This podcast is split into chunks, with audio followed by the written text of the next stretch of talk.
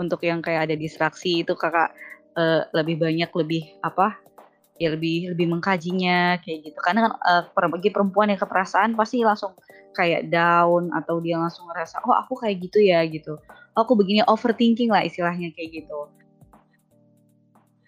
Gue Aulia di sini gue bukan orang yang expert. Gue mencoba untuk menjadi teman belajar seputar self improve Semoga kebisingan ini bisa memberikan dampak positif bagi listener semua. Welcome to Noise Impact.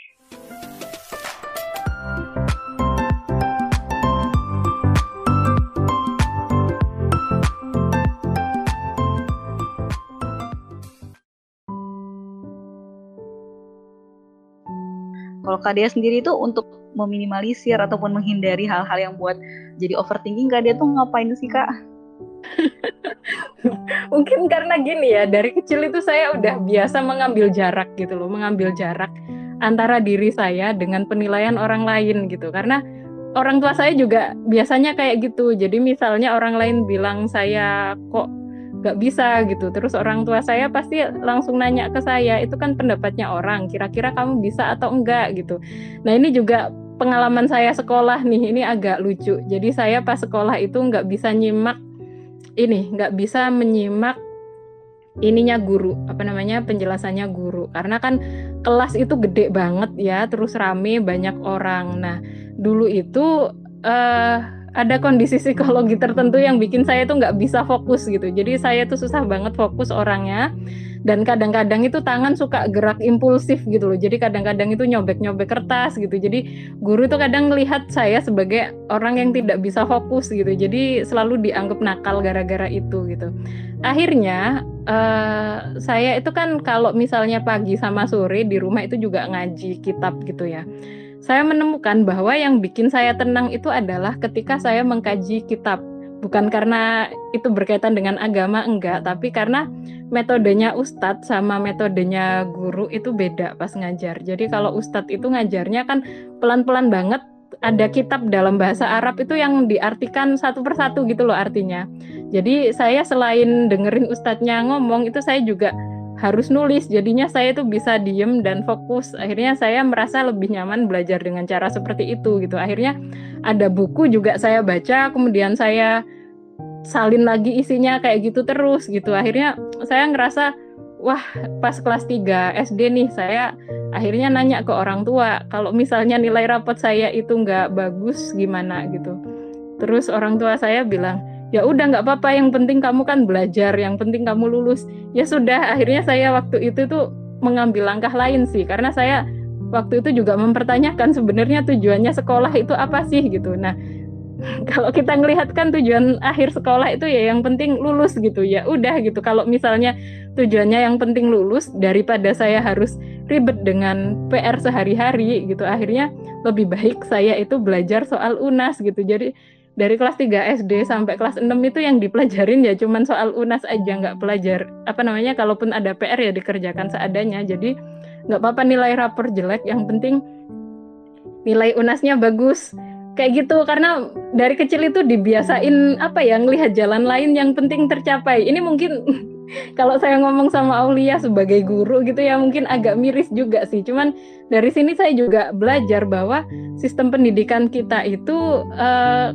kayak apa ya? Mereka itu belum mengakomodasi anak-anak yang kebutuhannya itu beda gitu. Jadinya orang-orang seperti saya itu akhirnya kesulitan dan harus selalu mencari jalan sendiri gitu. Itu yang bikin saya agak kayak gini. Jadi ketika ada masalah apa gitu saya akhirnya ngambil jarak dari masalah tersebut dan mempertanyakan apakah benar masalahnya kayak gini ataukah sekedar asumsi aja karena mungkin ya sejak kecil pengalamannya kayak gitu agak lucu sih tapi ya miris gitu tapi itu luar biasa banget ya kak maksud aku dari kelas 3 SD kakak udah uh, punya pikiran yang dewasa ya mungkin kalau anak kelas 3 SD sekarang dibandingin sama uh, kakak yang waktu tiga kelas 3 SD dulu tuh jauh banget deh menurut aku. Gue pernah megang kelas 3 SD itu masih yang kayak ya masih belajar kayak sambil main gitu kan.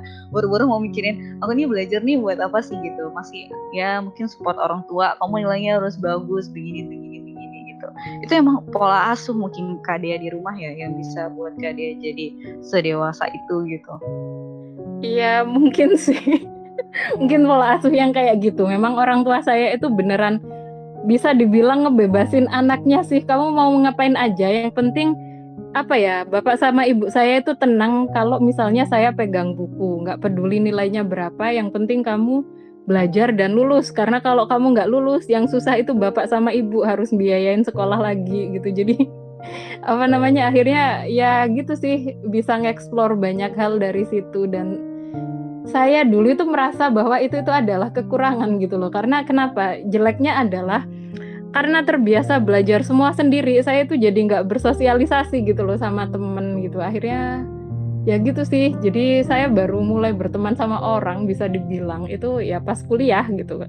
Mulai diskusi sama orang selama SD SMP SMA ya udah apa namanya hidup saya mungkin kadang-kadang juga masih suka skip kelas gitu. Jadi nggak masuk ke kelas dan ngerjain yang lain gitu.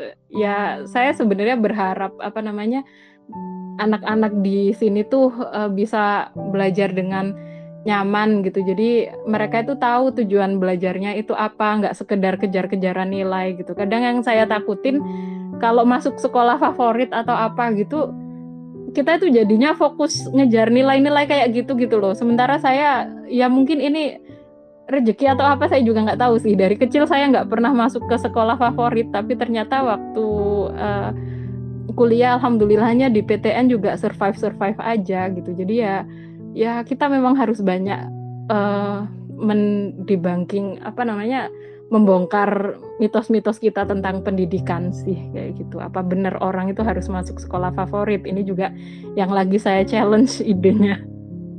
Makanya saya sebenarnya itu pengen banget sih mengarahkan blog saya itu ke pembelajaran yang santai aja. Cuman memang karena belum ada waktu jadi bis, belum bisa fokus ke sana gitu. Karena saya punya pengalaman dari kecil itu sampai SMA sih bisa dibilang belajarnya itu otodidak semua gitu. Kemudian pas dari kuliah itu saya baru bersentuhan dan kita ngobrol-ngobrol sama orang lain itu di situ. Jadi kadang-kadang saya berpikir bahwa memang kurikulumnya kita itu semuanya itu bisa dipelajarin sendiri dan itu tuh apa ya? Kayak jadi kadang-kadang saya tuh nggak menemukan gitu loh urgensinya sekolah itu untuk apa? Ya sekolah itu urgen sebenarnya, cuman kadang-kadang kalau misalnya dalam sudut pandang orang yang masa kecilnya seperti saya itu kadang mikir gimana kalau misalnya saya itu cuman ikut bimbel kemudian ikut paket C aja gitu. kadang mikir kayak gitu karena apa ya sekolah itu yang didapat ya cuman itu gitu loh kadang-kadang kita lulus sekolah itu juga masih nggak tahu mau ke mana gitu. Dan kadang-kadang ini juga bisa menyumbang angka depresi yang cukup banyak sih. Kalau kita itu lulus kuliah kita nggak nggak terbiasa nyari arah hidup kita itu mau diarahkan ke mana gitu. Karena saya dulu itu uh, pas awal SMA itu udah kepikir saya itu nanti mau jadi jurnalis aja karena saya suka nulis gitu. Dan kayak gitu tuh kalau pengen jadi jurnalis ya memang harus nyari kerjaan jadi freelance writer gitu kayak gitu ceritanya. Tapi ternyata pas kuliah uh, apa namanya saya juga ternyata suka sama bidang saya sendiri. Akhirnya juga mau jadi jurnalis atau jadi di IT ya. Dan ternyata memang takdirnya sekarang itu malah jadi dosen di bidang game teknologi. Dan mungkin nanti juga bakal ngedalemin edukasi sih tujuannya ya biar itu tadi biar belajar itu lebih fun buat anak-anak dan anak-anak juga nggak tertekan dengan nilai gitu kayak primitif banget gitu ya karena kita masih mikirin nilai doang gitu gitu sih Iya luar biasa banget tuh kak kalau saya tuh sebenarnya ya berharap, maksudnya berharap pendidikan yang inklusif. Inklusif itu dalam artian dia itu bisa untuk semua kalangan gitu loh. Di Indonesia itu kan kalau misalnya kita itu S1-nya telat aja, kita itu akan kesulitan dapat pendidikan dengan kualitas yang bagus karena S1 di PTN tempat kita itu usia maksimal untuk apply itu 21 tahun. Sementara kalau misalnya ada orang yang lulusan SMK kerja dulu, kemudian ini apa namanya pengen setelah kerja apa namanya setelah finansialnya bagus pengen ngambil S1 itu mereka kesulitan banget nemu tempat yang bagus dan bisa nerima mereka. Kemudian apalagi kalau misalnya kita itu juga punya eh kita itu difabel gitu misalnya itu juga nggak semua tempat pendidikan itu ramah untuk difabel gitu. Kalau misalnya kita difabelnya tunanetra atau kita itu uh, apa namanya pakai kursi roda, itu tempat-tempat umum kita itu belum belum ramah buat itu gitu. Jangankan ngomong sarana pembelajaran ya, kadang-kadang kita gedung aja juga nggak semuanya ramah untuk orang yang berkursi roda. Itu yang saya pikirkan banget sih. Karena saya sendiri pernah di posisi di mana saya kesulitan akibat sistem yang tidak mengakomodasi saya gitu. Jadi saya kadang mikir yang saya pikirkan itu bukan cuman perempuan sih, tapi lebih banyak itu mikir ke arah difabel gitu. Karena saya ngerasa mereka itu kan juga ruang speak up-nya itu juga kecil gitu. Jadi uh, kebutuhannya itu banyak nggak terdeteksi oleh orang-orang yang seperti kita gitu. Jadi kita itu kalau bikin arsitektur gedung, kalau bikin media pembelajaran, bikin kurikulum pembelajaran itu ya memang akhirnya itu cuman ke mayoritas aja gitu loh. Sementara orang-orang yang tidak tersentuh tadi itu ya cuman bisa sekolah di SLB gitu. Mereka tidak bisa mengeksplor hal lain kecuali kalau keluarganya memang privilege banget gitu. Padahal ya itu sebenarnya tugas kita sebagai apa namanya makhluk sosial di ruang publik sih. Makanya saya bilang bahwa ruang publik tadi itu butuh sumbangsih dari semua kalangan karena kalau ada satu saja kalangan yang tidak terwakili, maka kebutuhannya tidak akan terpenuhi sebagai manusia gitu. Itu yang yang saya pikir banget. Kalau misal kita bisa mengkondisikan itu, hidup akan lebih bagus gitu. Bener banget tuh kak. Uh, solusi untuk semua ya kak ya. Iya betul. Uh, Oke okay, dari teman-teman nih dari tadi ditungguin ada yang kira-kira mau uh, speak up mungkin boleh dibuka boleh di unmute uh, mikrofonnya. Ya, April silakan April. Terima kasih untuk Kak Dea Ceritanya luar biasa mengingatkan aku beberapa puluh tahun yang lalu jadi kayaknya hampir sama gitu kak. Pas ketika kita kuliah kita tuh ke depannya mau apa itu benar-benar nggak bisa dibilang tuh masih ngambang gitu kan. Bener sih kak. Terus kayak apa namanya kayak kadang itu program studi itu tuh nggak kayak nggak memperdulikan hanya lulusan tuh mau ke mana gitu kan. Nggak nggak kan nggak memperdulikan tapi lebih ke orientasi yang penting udah terserap kerja cuman nggak pernah lihat gitu loh presentase uh, apa namanya lulusan yang perempuan itu kayak jurusan foto pertanian. Itu yang terserap kerja sama dengan uh, bidang studinya itu berapa gitu nggak pernah gitu cuman cuman seneng dengar kabar yang ini loh yang cowok-cowok yang udah kerja di bidangnya kayak gini. Cuman gitu sih mbak. Jadi kayak mana ya? Kayak gitu sih. Cuman tapi luar biasa gitu aku dengar dari uh, cerita Kak Dea itu luar biasa banget kayak otodidak di wah, hampir semua bidang tadi itu sama gitu hampir kayak sama gitu jadi buat semangat lagi aja gitu makasih banget Kak Dea Iya, sama-sama. Oke, makasih banget April. Luar biasa ya. Tapi kalau yang aku tangkap mungkin uh, ini mungkin ya Kak. Jadi apa sih di tadi bagian closingnya ya Kak ya? Yang uh -uh. dia merasa bahwa ketika dia uh, belajar di kampus tuh ngerasa kayak uh, ini abis aku belajar mau gimana sih gitu terus kayak ngerasa uh, kampus itu lebih seneng mendengar kabar-kabar baik dari mahasiswanya tapi uh, untuk yang yang lainnya yang belum ke mana-mana gitu nggak merasa kayak nggak nggak apa nggak di bukan nggak diperhatiin ya tapi kayak nggak di um, tidak difasilitasi mungkin. Itu ya April ya? Iya mbak. Jadi kan kita jadi apa ya nggak ada perbaikan gitu loh. Maksudnya uh, ini misalnya program studi ini udah berdiri berpuluh tahun berpuluh-puluh tahun gitu. Masa sih nggak eh, nggak uh, kepikiran untuk mengakomodasi lulusannya terutama perempuan gitu gitu kan. Jadi jangan sampai itu masalahnya cuma sama tapi nggak terselesaikan gitu maksudnya dari tahun ke tahun cuma bilang uh, ya memang jurusan ini lebih ke uh, laki-laki lah kalau misalnya bilang kayak gitu kenapa nggak dari awal tuh nggak ini uh, ini cukup, cukup laki-laki aja perempuan tuh nggak usah di sini nggak kenapa nggak nggak nge-branding kayak gitu kalian gitu jadi kalau memang semua itu problem dari apa namanya awal gitu kan maksudnya kita cari solusinya gitu loh mbak. Nggak nggak berlarut-larut tapi nggak ada solusi ke depannya gitu loh maksudnya. Ya mana ya? Juga kan sebenarnya kayak lulusan itu kan nanti berpengaruh dengan akreditasi program tadi gitu kan. Jadi kalau misalnya oh, itu sih mbak. Tapi dari Kadia udah nangkep lah ya kak ya? Iya bener sih. Aduh. Ya gitulah. Ya ampun saya sendiri orang kampus juga. Sebenarnya gimana ya? Uh, gini loh kadang-kadang tuh kita itu berpikir bahwa uh, pendidikan itu cuman se sebatas guru ngajarin murid gitu. Entah itu pengajarannya itu nyampe atau kagak ya belum tentu dievaluasi juga gitu. Padahal kalau misalnya kita ngelihat ya kita mungkin kalau ke kampus sebenarnya kampus di Indonesia itu nggak nggak semuanya kayak gitu kok. Banyak juga kampus-kampus yang bagus dan menyenangkan gitu. Tempat saya kerja sekarang juga lumayan. Tempat saya tempat saya kuliah juga asik-asiknya kenapa? Karena gini, apa namanya? Uh, saya itu beneran memang sangat kesulitan untuk menyimak konsep kalau misalnya dosen atau gurunya itu live gitu karena saya susah banget konsentrasi untuk itu. Saya baru bisa belajar dengan dengerin orang ngomong dengan nyaman itu ketika ada YouTube gitu. Itu saya baru pelan karena videonya itu bisa di pause gitu ya. Jadi itu lebih nyaman gitu.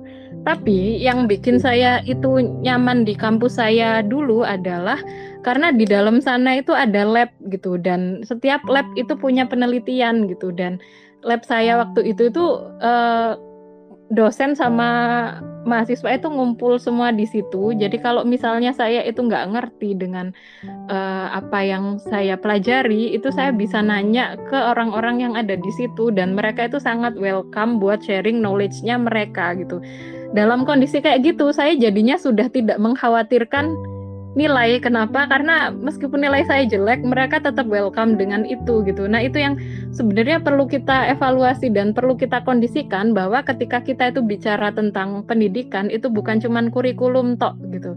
Tapi juga uh, support sistemnya itu harus ada. Ini yang saya itu juga pernah ketawa diskusi sama temen gara-gara kan mereka itu ngomongin pisah. Uh, tahu PISA nggak ya? PISA itu kayak skor yang nunjukin apa namanya kemampuan reading comprehension, kemudian kemampuan matematisnya siswa kayak gitu. Nah, Indonesia itu kan skor PISA-nya rendah. Kemudian eh, apa namanya di Singapura itu kan skor PISA-nya tinggi gitu. Nah, orang-orang tuh kadang ayo gimana caranya biar skor kita itu cepetan tinggi gitu. Nah, ada yang mikir ya gimana kalau misalnya siswanya itu kita drilling soal biar mereka itu cepat bisa ngerjain yang kayak gitu. Padahal pendidikan itu tidak seinstan itu. kalau misalnya Benar kita lihat itu ya itu itu yang aduh saya kadang gemes aja gitu. Nah untungnya sih nggak nggak semua dosen sih kayak gitu. Ada juga banyak orang yang sebenarnya kalau bisa diajak diskusi tentang pendidikan itu mereka welcome banget. Cuman karena kadang akademisi di kampus itu juga sibuk ya nggak banyak juga yang bisa kita undang di ruang publik. Cuman memang yang yang apa namanya pikir pola pikirnya instan gitu juga ada. Makanya kebetulan di sini kan juga saya pendidik kemudian Aulia pendidik kita juga perlu moving gitu. Kita perlu shifting pikiran kita bahwa pendidikan itu bukan sekedar kurikulum tapi kita juga harus mengkondisikan lingkungan gitu. Jadi kalau kita misal ngomongin tetangga sebelah kita gitu ya Singapura itu kan public library-nya itu banyak gitu loh. Kalau misalnya kita pinjam buku di satu daerah itu kita bisa balikin di daerah lain. Kemudian kalau misal kita weekend pengen nongkrong gitu juga kita bisa ke perpustakaan gitu. Nah, di Indonesia yang perpustakaannya bagus mungkin juga di Jakarta, di Surabaya sendiri juga jarang banget ada perpustakaan padahal kotanya besar. Jadi kalau misalnya saya pengen beli buku itu saya juga harus nabung dan itu juga butuh biaya. Makanya kalau misalnya ada orang yang bilang kamu kurang baca dan mereka itu book shaming sama orang, saya itu suka kesel gitu loh. Jadi kalau misalnya kamu itu sekarang bisa baca banyak buku itu privilege, syukurin gitu loh. Maksudnya kita syukuri itu dengan baik, jangan menghina orang yang nggak bisa baca buku karena mereka itu juga mau baca buku itu butuh effort gitulah. Kalau misalnya sekolah kita itu uh, cuman mikirin kurikulum, kemudian nggak ada resource lain untuk orang itu buat belajar, ya ya kita akan susah. Padahal kalau misalnya uh, kampus atau sekolah labnya jalan, orang itu jadi punya pilihan. Kalau dia tidak paham di kelas, dia itu bisa ambil researchnya dosen di apa namanya di lab dan dia bisa langsung belajar ke situ gitu.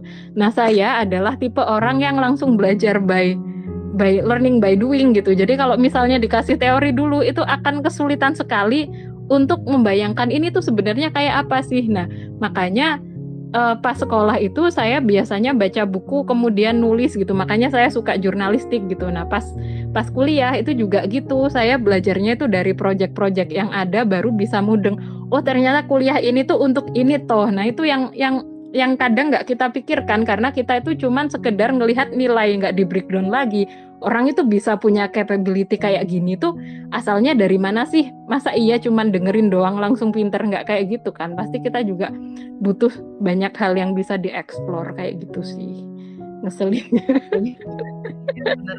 uh, cuman ya yang bikin saya happy di tempat kerja sekarang itu kenapa? Karena saya juga kebetulan kan memang tempatnya nggak gede ya. Kalau misalnya tempat yang gede mungkin kondisinya akan beda lagi gitu ya. Jadi uh, saya di prodi saya yang sekarang itu bisa dibilang mulai dari nol banget dari kita itu ngerancang kurikulumnya itu kan waktu itu tuh program studi teknologi game di Indonesia itu belum ada yang memang beneran fokus ke game programming. Jadi kita itu beneran mulai dari nol gitu ya. Beruntungnya adalah orang-orang di lab saya itu orangnya enak. Meskipun kita tidak dalam kondisi maksudnya tidak dalam posisi untuk uh, mengambil kebijakan tapi kita itu bisa dalam tanda kutip merdeka di sana gitu loh. Jadi makanya kita itu selalu nyediain kalau bisa seminggu sekali tuh ada quality time buat bahas sesuatu gitu. Entah itu ini enaknya anak-anak diapain ya kita bikin apa ya buat aktivitas gitu. Jadi dengan adanya kayak gitu itu kita bisa memulai pembaruan gitu. Dan untuk memulai hal kayak gitu itu memang harus sabar banget sih. Kadang kan karena kita itu harus ke distrak banyak kegiatan gitu. Nah uh, saya biasanya sama teman-teman itu selalu menekankan bahwa hal baik itu adalah sesuatu yang harus ditanam dan dirawat. Bukan tiba-tiba nggak nggak nanam nggak ngerawat terus kita itu tiba-tiba mau panen nggak kayak gitu. Jadi kalau kita itu pengen merubah sesuatu, jangan berpikir tentang revolusi. Maksudnya jangan berpikir tentang perubahan yang cepat, tapi kita itu ya kayak petani tadi kita nyari bibit-bibit kebaikan pelan-pelan dirawat kayak gitu. Karena kita itu kerja di kampus itu kan juga di kampus dan di sekolah itu jangka waktunya lama kayak maraton gitu ya. Makanya nggak semuanya bisa instan dan nyari partner buat kayak gitu pun kalau sampai bisa dapet itu ya rezeki banget. Makanya kita harus jaga kalau misal kita dapet yang kayak gitu gitu sih Ya benar banget ya Mbak ya. Lagi-lagi lagi-lagi di kesabaran sama komunikasi ya Kak ya. Iya betul. Luar biasa banget uh, hari ini kita bahas tentang tadi uh, perempuan di ranah publik sampai ke education terus ke pengalaman-pengalaman Kak Dea yang luar biasa banget, luar biasa. Uh, mungkin uh, sebelum di kita ke arah closing dari Kak Dea mungkin ada closing statement Kak Closing statement iya sih. Uh, gimana ya? Ini tadi kita sebenarnya bahasnya melebar ya. Kita loncat-loncat dari perempuan kemudian ya, perempuan